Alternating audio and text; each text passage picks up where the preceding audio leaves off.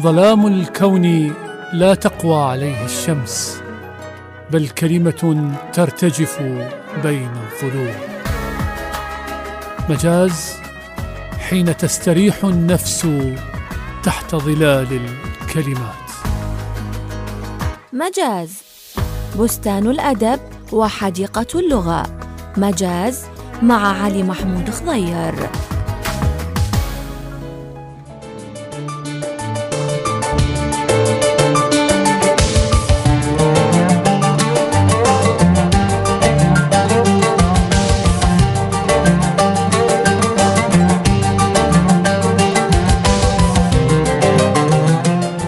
أطيب تحية وأجمل سلام لكم أحبتي ومستمعينا الكرام في كل مكان. في لقاء جديد من لقاءات برنامج مجاز على الود والمحبة والخير نلتقي. حياكم الله.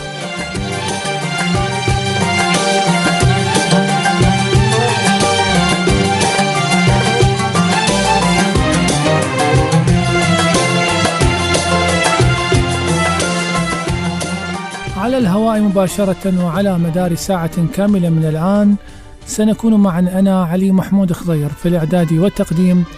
يرافقني في الإخراج والتنفيذ الزميل المبدع مصطفى نزار. فكونوا في القرب. أمانة عليك يا ليل طاول وهات العمر من بحب جديد وقلبي سعيد. يا ريتني عشقت عم نول أمانة أمانة أمانة أمانة أمانة يا ليل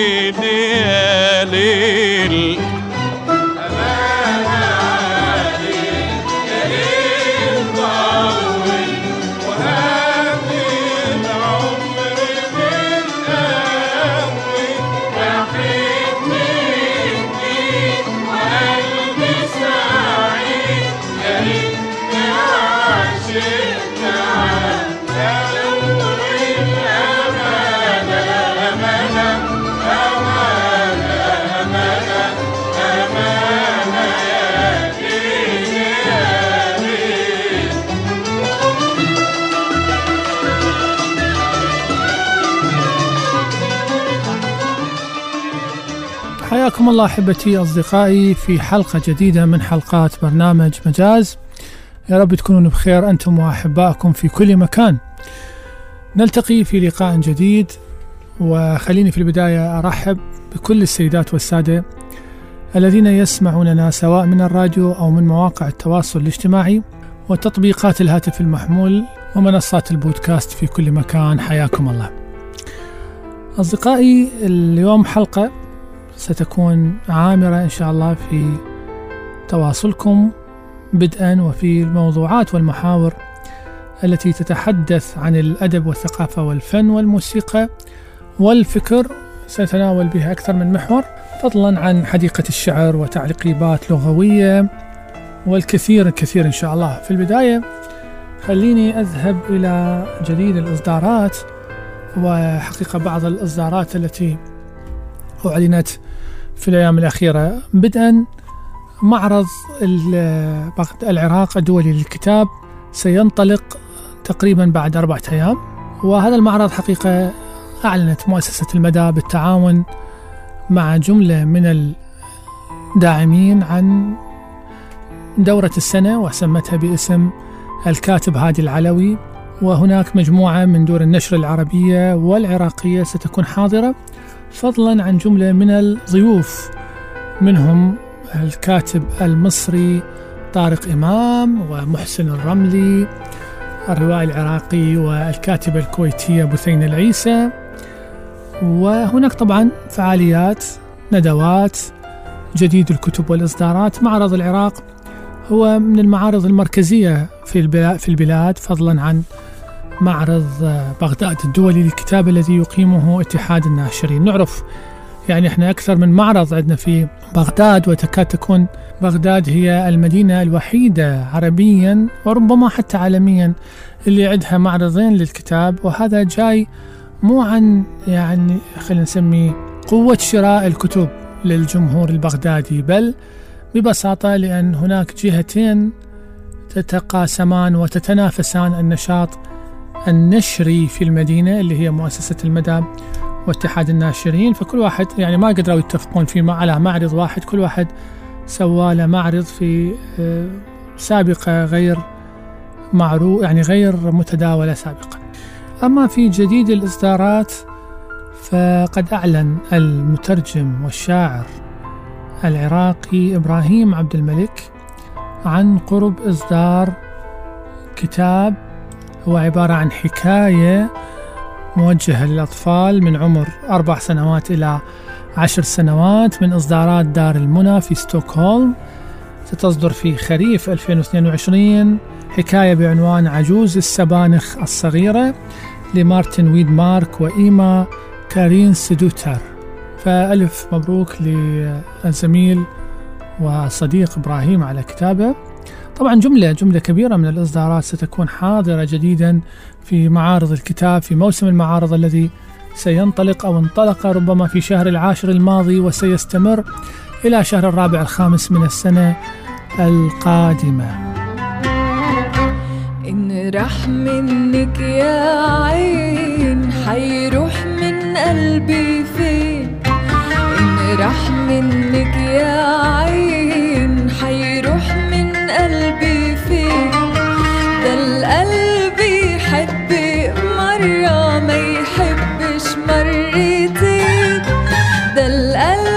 القلب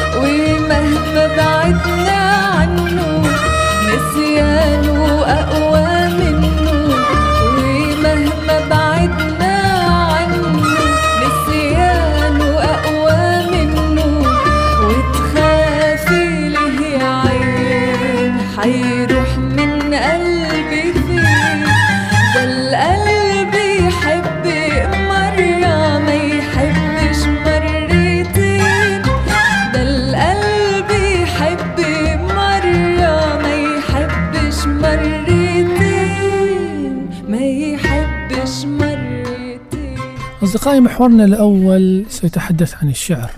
دائما الحديث عن الشعر حقيقة حديث مثل البحر لا ينتهي.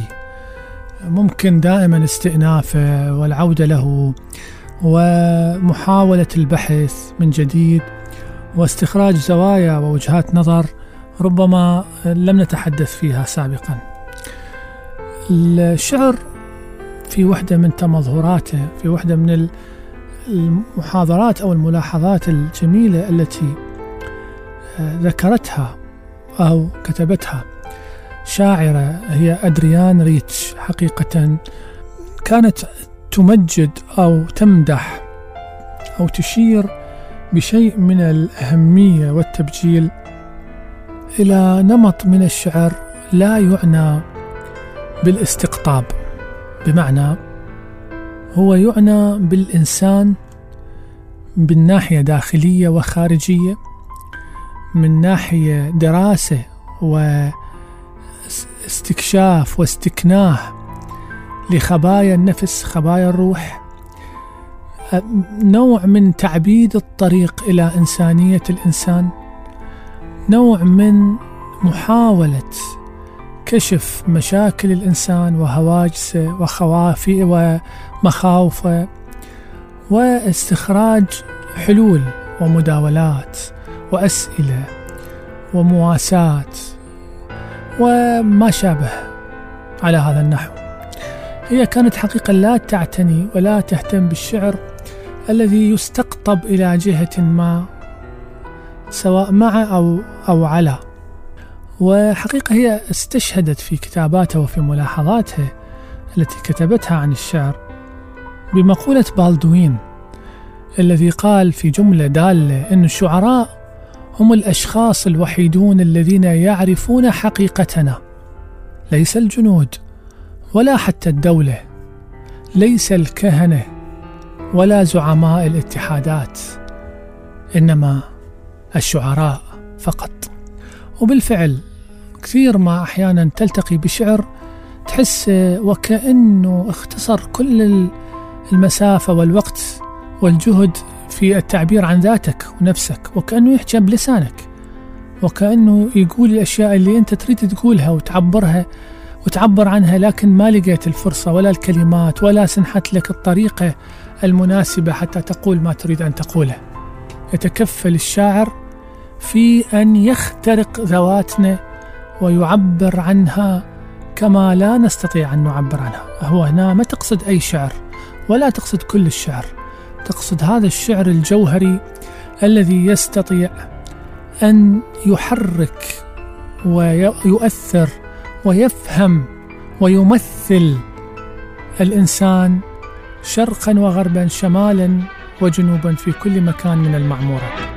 وصفوا للصبر لقيت خير وكلام في الحب كلام في الحب يا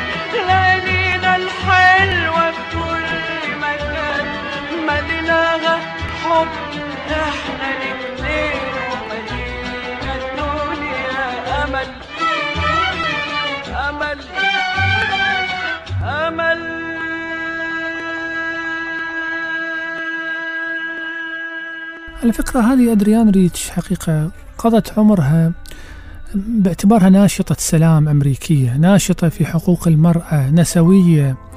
كانت عضوة في الأكاديمية الأمريكية للفنون والعلوم وكانت لها كثير من المواقف من ضمنها أنه هي رفضت الجائزة جائزة الميدالية الوطنية للكتاب وللكتاب.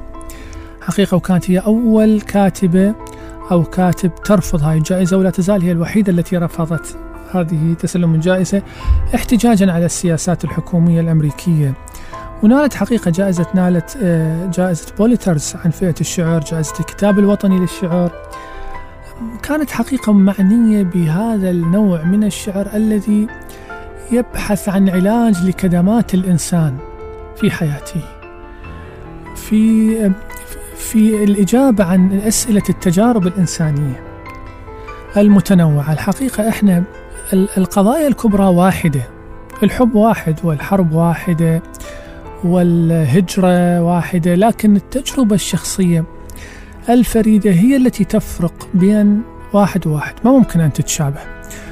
من أجي أنا أكتب عن تجربتي بال بال بال بالحرب أو بالحب أو بالهجرة أو بالسفر أو بالصداقة ستكون حتما شيئا جديدا خاصة إذا دعمت بموهبة جيدة أو لا بأس بها إذا بالتالي حتى لو تشابهت الموضوعات التعبير عن التجربة الخاصة الفريدة هو الذي يجعل من الشعر متجددا دائما ويجعله فريدا دائما.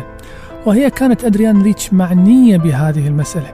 حقيقة أمضت جل حياتها في فهم العلاقة بين الشعر وبين الفنون الأخرى من جهة والشعر وطريقته في تمثيل آلام الإنسان ومفاوضاته الشخصية مع نفسه. إحنا محضر لكم تقرير يتحدث عن آراء أدريان ريتش وعن جملة من تصوراتها حول الشعر. حقيقة تقرير جميل نسمعه وراجعين لكم في مجاز. خليكم ويانا. سآخذ بمقولة بالدوين إن الشعراء هم الأشخاص الوحيدون الذين يعرفون حقيقتنا. ليس الجنود ولا حتى الدولة تفعل ذلك. ليس الكهنة ولا زعماء الاتحادات الشعراء فقط. كيف يكملنا الشعر ويعطينا شكلا لخبراتنا من خلال اللغة وبالتالي يمنحنا فعاليتنا كرامتنا وصلاحية حياتنا الشعر ببساطة هو توسيع قدراتنا للوصول إلى إنسانيتنا. بلا شك يفعل الشعر ذلك ولكن ليست كل القصائد. الجواب أو على الأقل جزء من إجابة. وصلتني كشرارات كومضة من نصف حلم ونصف ذاكرة.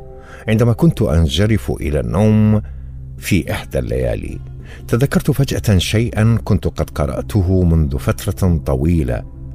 شيء يبدو أنه أصبح كالخبايا والرموز في أعماق عقلي اللاواعي. كان ذلك ملاحظات عن الشعر والسياسة للشاعره أدريان ريتش واحدة من أعظم الشاعرات وأنبه العقول في القرن الماضي. تماما بعد ثلاثين عاما بالضبط من خطاب الرئيس كندي الأشهر على الإطلاق ومقولته عندما تفسد السياسة يظهر الشعر. فكرت حينها أدريان ريتش وكتبت ما يلي إذا استخدمت القصيدة كوسيلة وردة فعل سياسية فورية فسيكون الأمر خاطئا. وكأنك تحاول إعلان مظاهرة احتجاجية على الفور أو صنع خط طارئ للاعتصام. أريد ذلك النوع من الشعر الذي لا يكلف نفسه عناء إما الثناء على القادة والأحزاب وإما لعنهم. ولكني أريده أن يكتشف من نحن داخليا وخارجيا. في ظل ظروف حياتية تعيسه وسوء استخدام للقوة من السلطة الفاسدة. كيف يكشف مفاوضاتنا الخاصة مع أنفسنا عبر تأرجح آلامنا وكدماتنا النفسية؟ كيف نصنع الحب بأكبر قدر من الحميمية وبأوسع معنى؟ كيف نشعر وكيف نحاول أن نصنع الشعور؟ الشاعرة التي أمضت جل حياتها تفكر في العلاقة بين الفن والرأسمالية وأصبحت أول شاعرة في رفض الميدالية الوطنية للفنون احتجاجا على نقاط الضعف في تلك العلاقة معتبرة الشعر وعدا منفردا وسط غابة ثقافة جديدة مشغولة البال ومخدرة أمام الرأسمالية المتفشية قائلة وحده الشعر يمكنه كسر الغرف المغلقة للإلهام ارجاع المناطق المخدرة إلى الشعور وإعادة شحن الرغبة. لم يسبق لي أن اعتقدت إن الشعر هروب من التاريخ وأنا لا أعتقد إنه أقل ضرورة من الغذاء والمأوى والصحه والتعليم وظروف العمل اللائقة. الشعور ضروري. كل قرار سياسي له مبرره الخاص في موازين الربح الرأسمالية. الشعر يقلق هذه الطريقة في العيش وليس من خلال أيديولوجية ولكن من خلال تواجده الذاتي وطرق بقائه.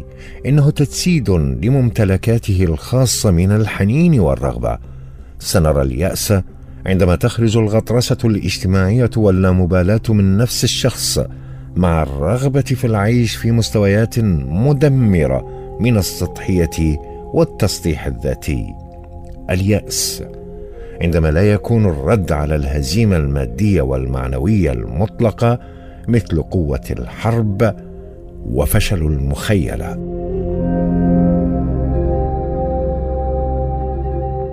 نعم أصدقائي من ضمن الأشياء اللي كانت تميزت بها أدريان ريتش هي محاولة فهم الآخر.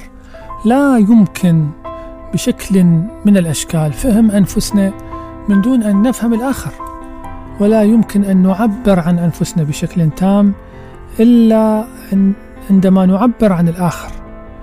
ونستكنه ونعتبر أن الآخر هو جزء مكمل إلنا أو إحنا جزء مكملين للآخر. واحدة من مشاكل هذا العصر فرديتنا المريضة. كل إنسان يفكر في نفسه في مصالحه وبالتالي الأسرة تفكر بأسرتها الشعب يفكر بنفسه الأمم تفكر كل وحدة بنفسها. بالتالي نشوف هذا الحطام البشري من الفرقة والعزلة وللأسف يعني حالة من الشتات. لم تعرفها البشرية من قبل. لازم يعرف البشر أنه أو الإنسان بأنه بقاءه في الكوكب منوط بفهمة لتطلعات الآخر وفهمة لحاجات الآخر حتى الآخر أيضا يستقبل تطلعاتك وحاجاتك بنفس الفهم. وليس الصراع وليس الصدام وليس المواجهة والحرب. تمام. إذا نقفل هذا الملف الأول ونسمع عنا أغنية ونرجع لكم في مجاز. حياكم الله.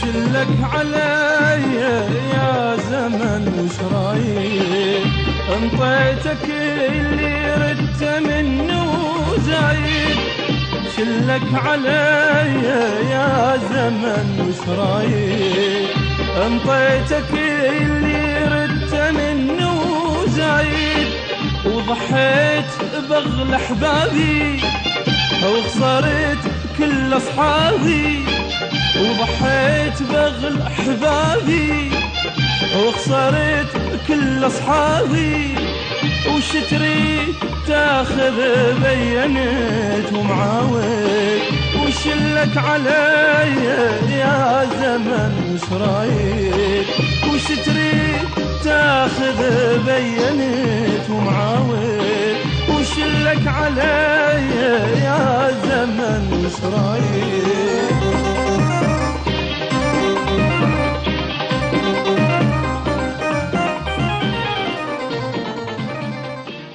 حياكم الله من جديد في مجاز مستمرين معاكم من راديو تايمز سكوير 102.5 FM علي محمود خضير في الإعداد والتقديم ومصطفى نزار في الإخراج والتنفيذ.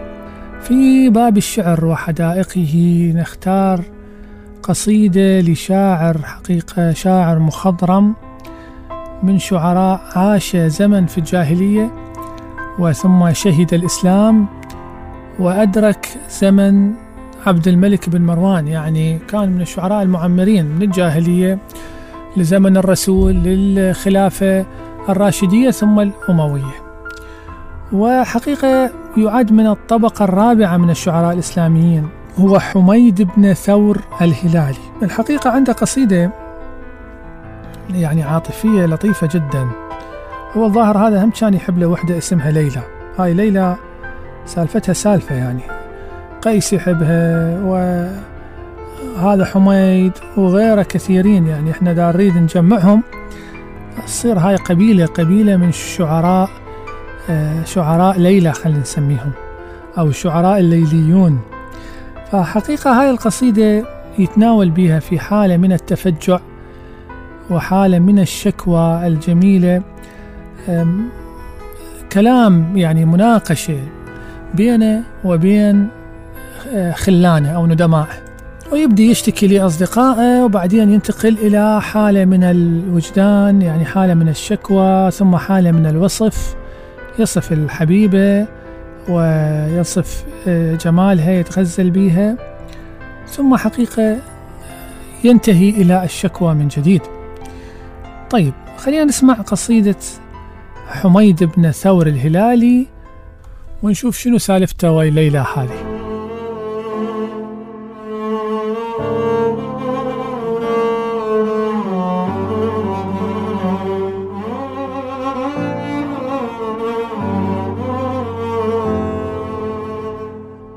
ألا ما لعيني لا أبا لأبيكما.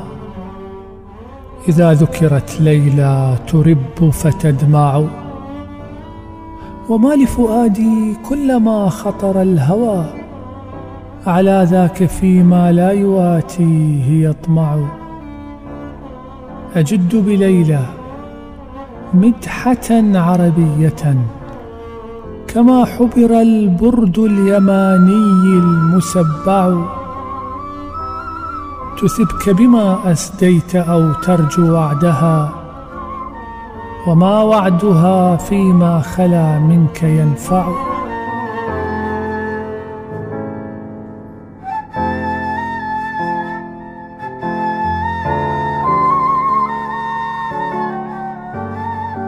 وليلى أروج الجيب مياعة الصبا. أبي لما يأبى الكريم وترفع. مشرفة الأعطاف مهضومة الحشا. بها القلب لو تجزيه بالقرض مولع. وما لي بها علم سوى والذي. إلى بيته تزجى حواف. وضلع سوى أنني. قد كنت أعلم أنها هي العذب والماء البضاع المنقع.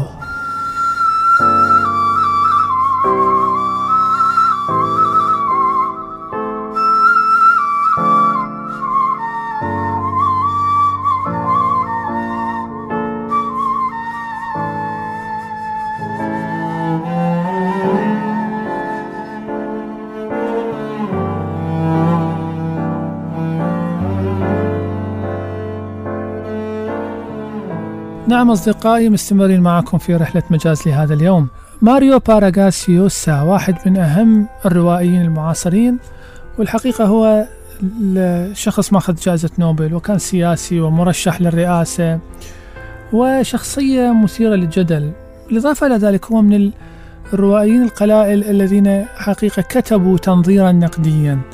كان مولع ولا يزال بتقديم محاضرات وزيارة الجامعات وإقامة الندوات التي تنقل تجربته في الرواية. اليوم ماخذ لكم حقيقة مادة منتخبة من كتابه رسائل إلى روائي شاب. هذا كتاب وجه يوسا على غرار كتاب ريلكي رسائل إلى شاعر شاب.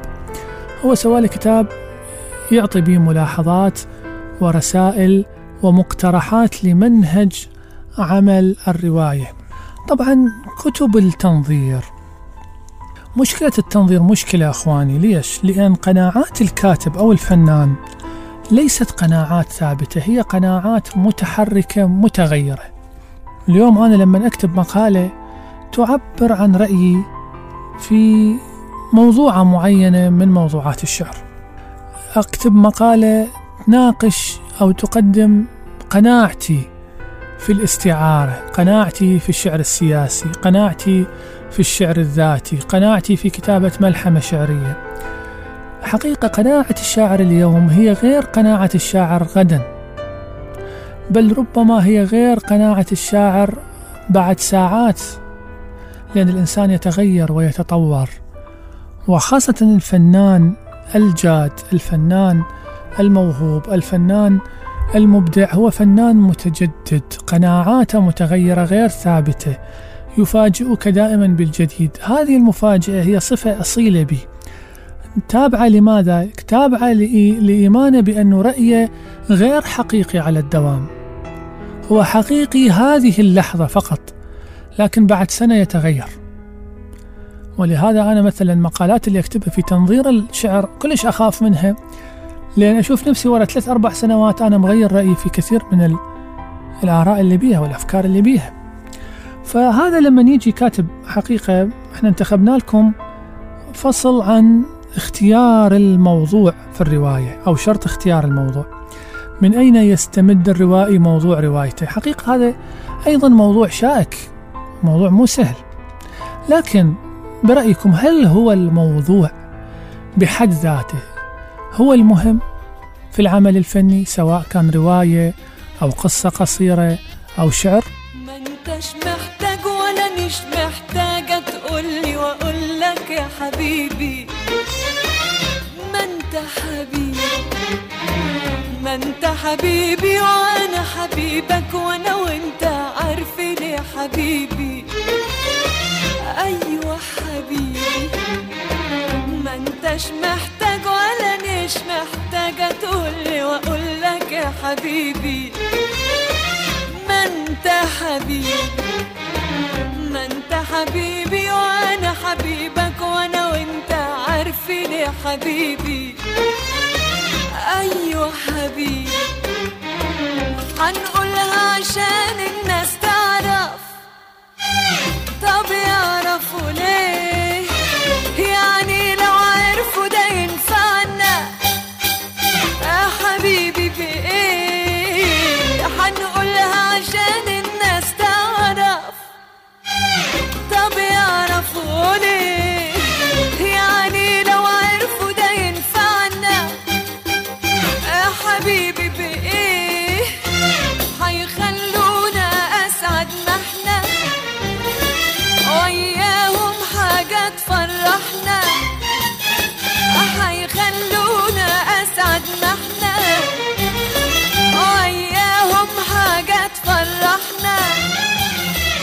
هيقربوا نجمل للسنة ويعلوا الضحكة في أفراحنا.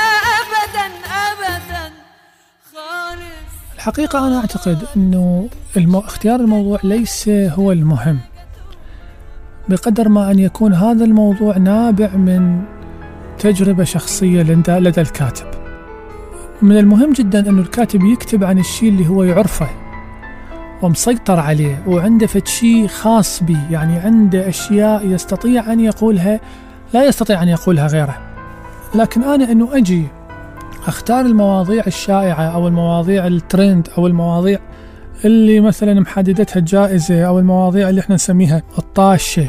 حقيقة هذا يوقعني في مطب. ليش؟ لأن أنا راح أكون لا أعرف ليس بالضرورة أعرف خفايا وتفاصيل هذه الموضوعة على نحو متفرد. راح أبدي شو أسوي؟ أجمع معلومات منها ومنها أخذ مصادر تاريخية أشوف أفلام وثائقية. لكن هذا كله ما يغني. ما دام أنا ما عايش التجربة هاي الخاصة المتفردة راح يبقى كتابي على نحو كبير من الاصطناع أو الصنعة. راح يبقى بارد. مسألة الأصالة أو الصدق الصدق الفني بي مسألة ملتبسة متفاوتة. ما يعني ما مضبوطة ما مضمونة. لكن أنا لما أتناول موضوعة خاصة بي صايرة وياي ما صايرة ويا غيري. أنا عايشها شايف أحداثها بعيني سامع أصواتها أصوات الأحداث بأذني. شام دخانها إذا كان بها دخان أو عطورها إذا كان بها عطور بأنفي لا يستطيع أحد أن ينافسني بها وستأتي متفردة. ستكون عمل متفرد. وبالتالي أنا مثلا من أقرأ كتاب بصرياثا لمحمد خضير أو أقرأ كتاب سانت لويزا لديريك والكوت أو أشوف قصائد السياب عن جيكور. أعتقد أن هذه مناطق لا يستطيع كاتب ما أن ينافس هؤلاء الثلاثة فيها. إحنا ما عشنا بسانت لويزا. فهذه ملك لديريك والكوت هو يقدر يحكين عن الصيادين كيف يبحرون عن مخاطرهم عن جماليات صيد السمك عن رائحة الرمل عندما تضرب موج البحر وأشعة الشمس عن المحار عن ال... وهكذا يتكلم عن الأسواق عن عن الناس عن عادات الحياة هناك. مثل ما يحكي لي السياب عن تقصف ظلال ال... ال... الأشجار وعن أشعة الشمس عندما تخترق غابات النخيل. وعن بويب اللي ما ماكو بويب إلا بويب واحد وبويب السياب ملكه خاص به. لهذا نشوف قصائد بويب ما حد يقدر يقلدها لأن مالته.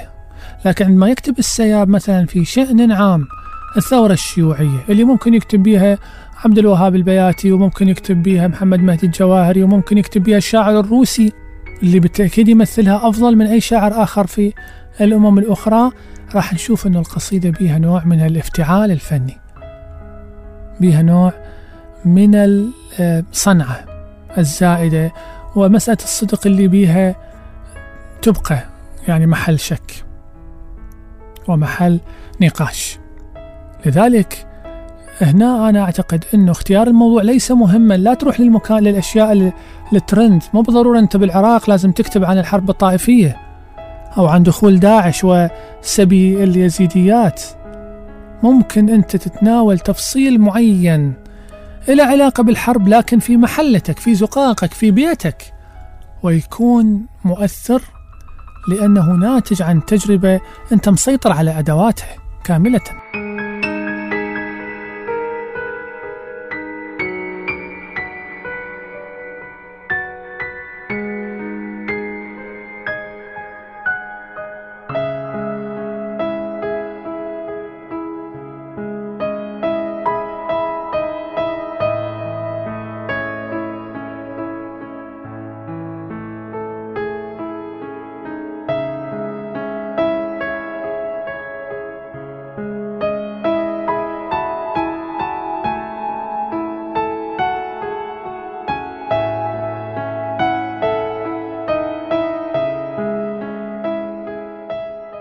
اللطيف إنه يوسف في كتابه هذا متفق مع هاي النظرية. يعتقد إنه اختيار الموضوع مهم نعم لكنه على القارئ أو على الكاتب عفوا أن يذهب إلى الموضوع الذي فيه نوع من الحميمية مع تجربته الذاتية.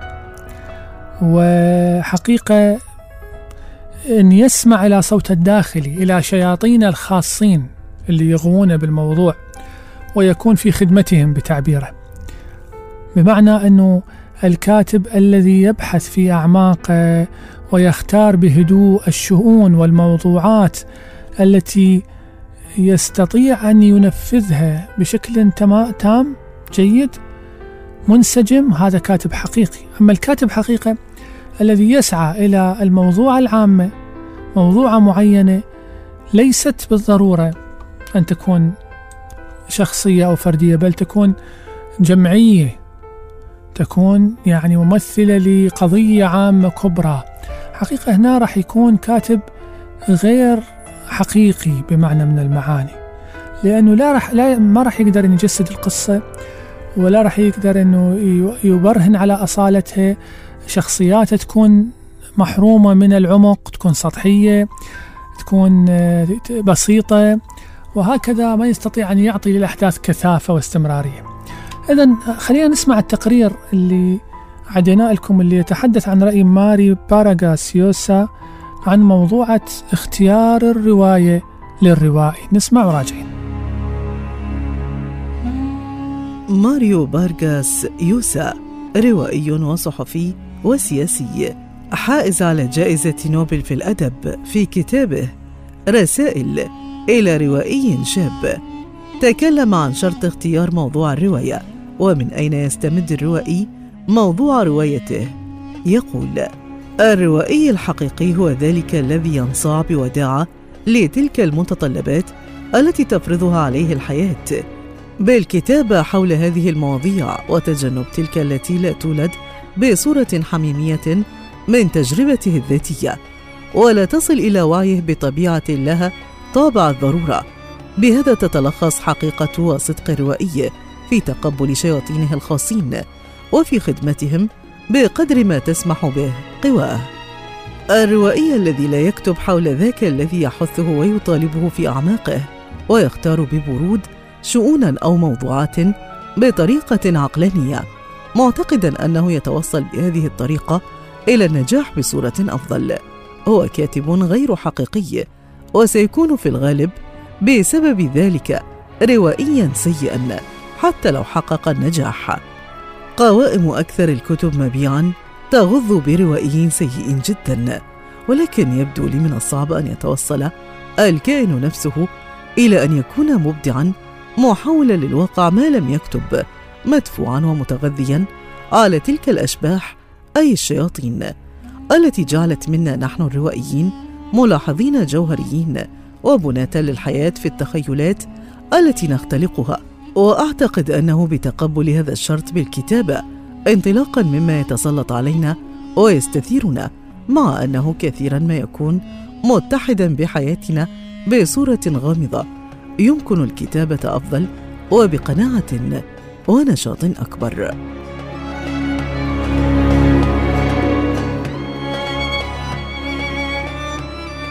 الكتاب الذين يتجنبون شياطينهم ويفرضون على أنفسهم موضوعات معينة لأنهم يعتقدون بأن تلك الموضوعات التي تجنبوها ليست أصيلة أو جذابة بما فيه الكفاية بينما الموضوعات الأخيرة هي كذلك.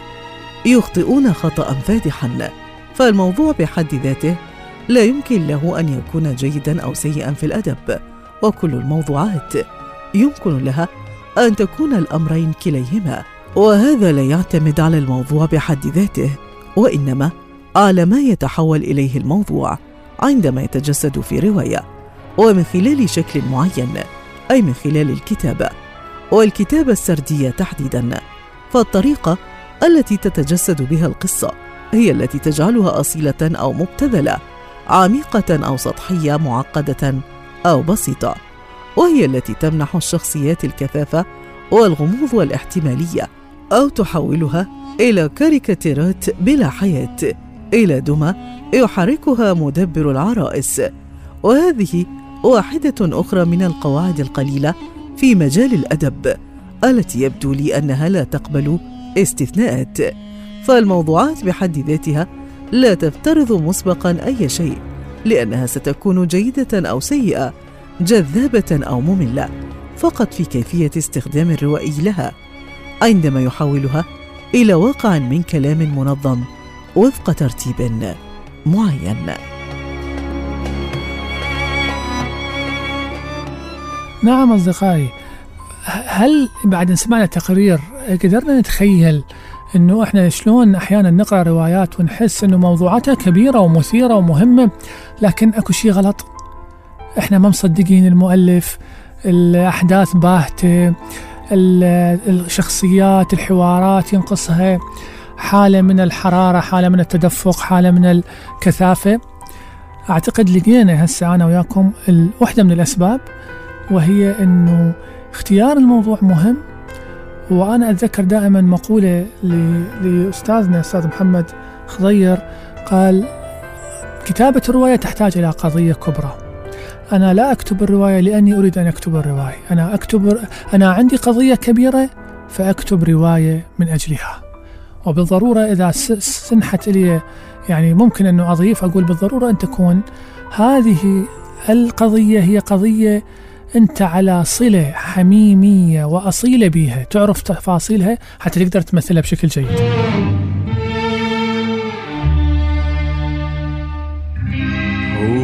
قلبي اللي اختار يمشي لوحده المشوار. هو يا قلبي اللي اختار يمشي لوحده المشوار. ما هو يا قلبي اللي اختار يمشي لوحده المشوار. هو يا قلبي اللي اختار يمشي لوحده المشوار. ما هو يا قلبي اللي اختار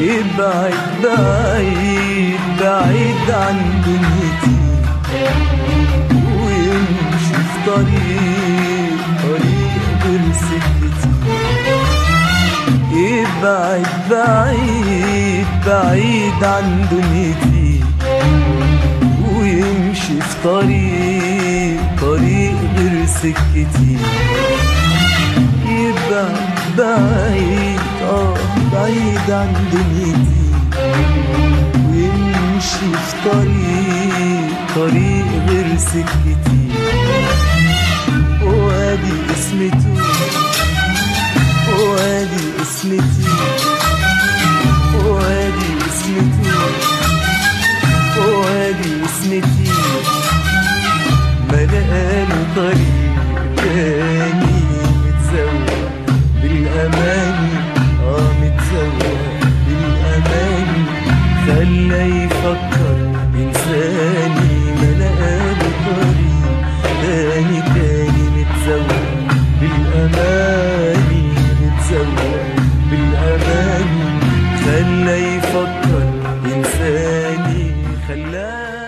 أصدقائي وقد يكون يعني موضوعة المونديال مونديال قطر 22 هو حديث الساعة عند الشباب وعند الشياب وعند ال- الفتيان بال بالمدارس حتى حتى البنات صايرين يشجعون كرة القدم وقاعدة كرة القدم تتوسع عند الشباب والفتيات.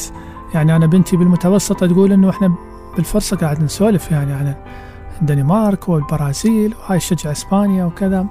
الحلقة الماضية تناولنا موضوع كرة القدم وحقيقة ال- التقارير اللي أعدينا لكم إياها والمواضيع. حققت صدى طيب ولطيف عند ال- السيدات والسادة المستمعين. فحقيقة فكرنا أنه نواكب الحدث أيضا بمادة أو محور يتحدث عن كرة القدم وكيف لها أن آه، تشتت الإنسان عن المحنة اليومية التي يعيشها. حقيقة جون بول سارتر يقول أنه كرة القدم مجاز عن الحياة. يعني هي تمثل الحياة تشبه الحياة في جوانب معينة محددة مثل الانتصار مثل الهزيمة مثل فكرة الخصوم والأصدقاء فريقي أصدقائي وفريق الخصم هم الخصوم أو الأعداء أو الحرب وهكذا. الإقصاء و والهز... يعني هاي كلها والنصر هاي كلها مفاهيم حياتية الخسارة والإصابة و... وهكذا. كرة القدم حقيقة لطالما كانت ملاذا وترياقا وبلسما من هموم الحياة. دول فقيرة مثل البرازيل ومثل دول أفريقيا تعاني ما تعاني من المجاعة ومن الفقر. تمثل لها كرة القدم سلوان أو حالة من السلوى أو حالة من العلاج الإنساني أو الطبيعي. ومو بس هاي في بلدان العربية وفي الفترات الحروب شكلت كرة القدم أيضا حالة من الهروب الوقتي ولو الوقتي من المشكلة الضاغطة. أحيانا الإنسان يكون عنده فتشي قاهرة مأذية. دين ما قادر يسده.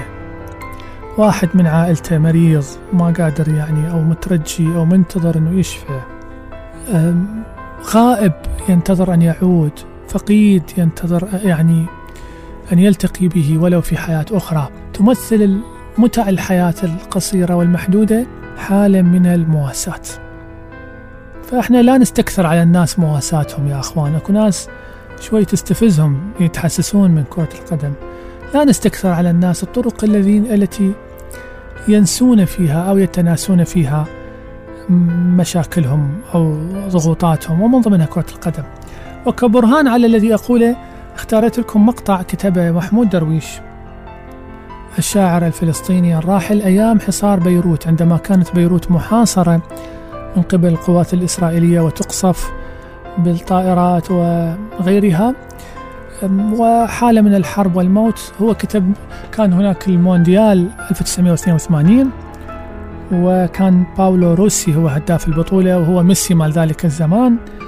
فكتب نص في مديح باولو روسي وفي مديح مونديال 1982 وعبر به عن إنه هو كيف استطاعت هذه المباريات ومهارة باولو روسي أن تنسيهم وهم في الملاجئ صوت القاذفات ورعب الحرب وصافرات الإنذار. وأنا أشوف يعني أقول له نسمع سوية حتى نعرف قصدنا في كيف تكون كرة القدم ملاذا إنسانيا منجيا أو مسليا. أو مخففا من ضغوطات الحياة. يقول جان بول سارتر أن كرة القدم مجاز عن الحياة ويقصد بذلك أنها تجريد لمعاني مثل الصراع والانتصار والهزيمة مثل الرفاق والخصوم والجمال والبراغماتية. لكن سارتر في النهاية مراقب خارجي للعبة بينما صديقه ألبير كامو صاحب جائزة نوبل اعتبر نفسه أسطورة حراسة المرمى. وأن الأدب حرم الكرة من جهوده كحارس عظيم. بدأ جامو لعب الكرة في طفولته وشغل مركز رأس الحربة. ولكن جدته قالت إن ممارسة الكرة ما هي إلا إتلاف لحذائه والفقر يمنع أمثاله من ترف شراء أحذية جديدة. فقرر أن طريقه الوحيد في الاستمرار لاعبا هو أن يتوجه ليقف تحت الخشبات الثلاثة. في كتابه ذاكرة للنسيان كتب محمود درويش نصا ساخنا عن يوم طويل من أيام حصار بيروت عام 1982 بلغة متوترة وبأسلوب يجمع بين السرد والشعر والقصص والأخبار. موردا في طياته حديثا لافتا عن كرة القدم وجنونها أيام مونديال 1982 يقول درويش. ونحن أيضا نحب كرة القدم. ونحن أيضا يحق لنا أن نحب كرة القدم ويحق لنا أن نرى المباراة لم لا؟ لم لا نخرج قليلا من روتين الموت. في إحدى الملاجئ استطعنا استيراد الطاقة الكهربائية من بطارية سيارة. وسرعان ما نقلنا باولو روسيه إلى ما ليس فينا من فرح. رجل لا يرى في الملعب إلا حيث ينبغي أن يرى. شيطان نحيل لا تراه إلا بعد تسجيل الهدف. تماما كطائرة القاذفة لا ترى إلا بعد انفجار أهدافها.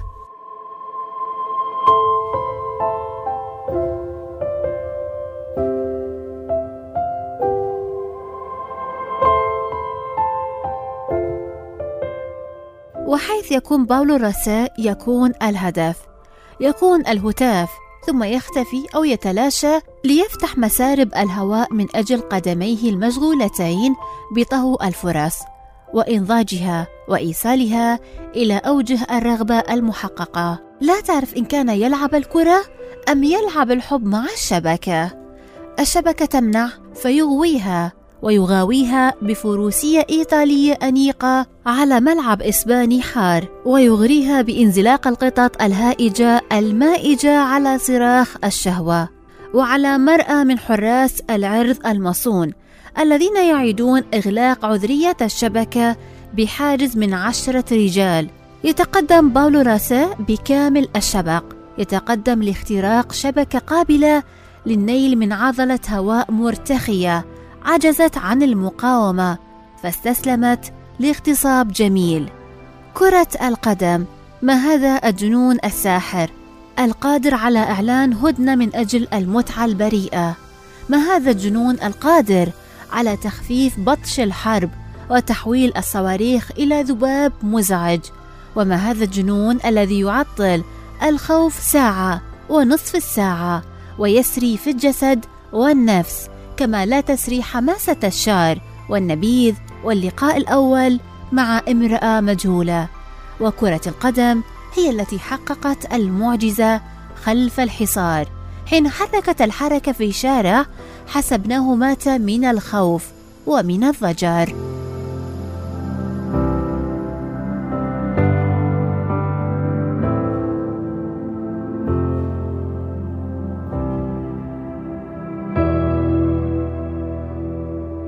إذا أحبتي أصدقائي مع هذه الكلمات الجميلة من محمود درويش شاعر العرب وشاعر فلسطين نصل إلى نهاية حلقتنا لهذا اليوم من مجاز. يا رب تكون حلقة ممتعة ومفيدة وخفيفة الظل. تقبلوا تحياتنا في نهايتها. أخوكم علي محمود خضير في الإعداد والتقديم. وهذه أجمل وأرق تحية من الزميل المخرج مصطفى نزار في الإخراج والتنفيذ. اكتبوا لنا كل ما يدور في بالكم اللي حبيتوه واللي ما حبيتوه. واللي حابين نحكي بيه أو نسولف بيه بالحلقات الجاية نسعد ونفرح بتواصلكم. حتى نلتقي لقاء قريب قادم إن شاء الله. أتمنى لكم أطيب الأوقات مع باقي برامج الإذاعة. كونوا في رعاية الله وحفظه.